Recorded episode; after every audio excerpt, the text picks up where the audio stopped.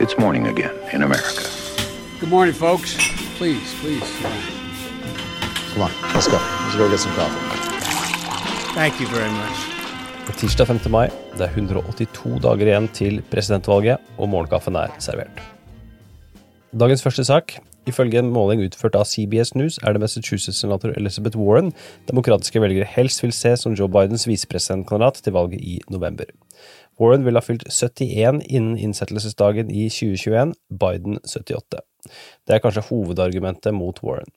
Uansett, i denne målingen ligger Warren på 36% California-senator Kamala Harris på 19% Stacey Abrams på 14% og Minnesota-senator Amy Klobuchar på 13 Erfaring med krisehåndtering og økonomisk ekspertise nevnes av respondentene som de viktigste egenskapene hos den kvinnen Biden ender opp med å velge. Det er 57% som peker på krisehåndtering, og 49% som peker på økonomisk ekspertise. Klobuchar, Harris og Warren, som alle hevet sin nasjonale profil og navnegjenkjennelse som presidentkandidater i den demokratiske nominasjonskampen, scorer høyt nettopp av den grunnen. De er bedre kjent enn mange andre navn på listen. Stacey Abrams stilte jo ikke som presidentkandidat, men hun ble til gjengjeld et kjent og mye omtalt navn da hun var nær ved å vinne guvernørvalget i Georgia i 2018. Når det gjelder Warren, så pleier jo Trump å uttale seg, og det har han også gjort nå. Han mener at Elizabeth Warren er ansvarlig for at Biden vant nominasjonen fordi hun ikke trakk seg. Han mener jo da at dersom hun hadde trukket seg, så ville Bernie Sanders gjort det mye bedre enn han gjorde det.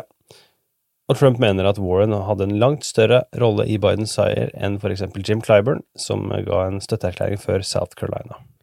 Dagens andre sak, Senatet vil ikke frigi Tara Reid-dokumenter. Fredag sendte Joe Biden et brev til Senatet der han ytret et ønske om å frigi relevante dokumenter rundt klagen Tara Reid skal ha fremmet mot den daværende Delaware-senatoren i 1993. Mandag kom svaret fra Capitol Hill, og basert på juridiske råd og krav om eh, konfidensialitet, så ønsket ikke Senatet å frigi disse dokumentene, og det ble verken bekreftet eller avkreftet at Reed-klagen faktisk eksisterer. I 1980 så vedtok Senatet at dokumenter som undersøker og behandler personlige data ved Senatets kontor for Fair Employment Practices, først kan offentliggjøres etter 50 år. Dersom Reed kom med en formell klage på Biden i 1993, kan det bety at dokumentene ikke vil være tilgjengelige før i 2043. Biden-kampanjens advokat, Bob Bauer, har imidlertid kommet med noen oppfølgingsspørsmål til avgjørelsen. Blant annet så ønsker da Biden-kampanjen klarhet i om det er mulig å frigi dokumentene i en begrenset form, eller om Reed selv har mulighet til å kreve dokumentene utlevert dersom hun ønsker det.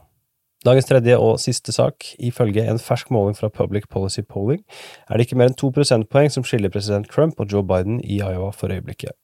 48% gir sin støtte til den sittende presidenten, mens tidligere visepresident Biden får 46% oppslutning.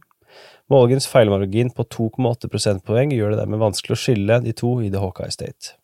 Jevnt er det også i kampen om Senatet.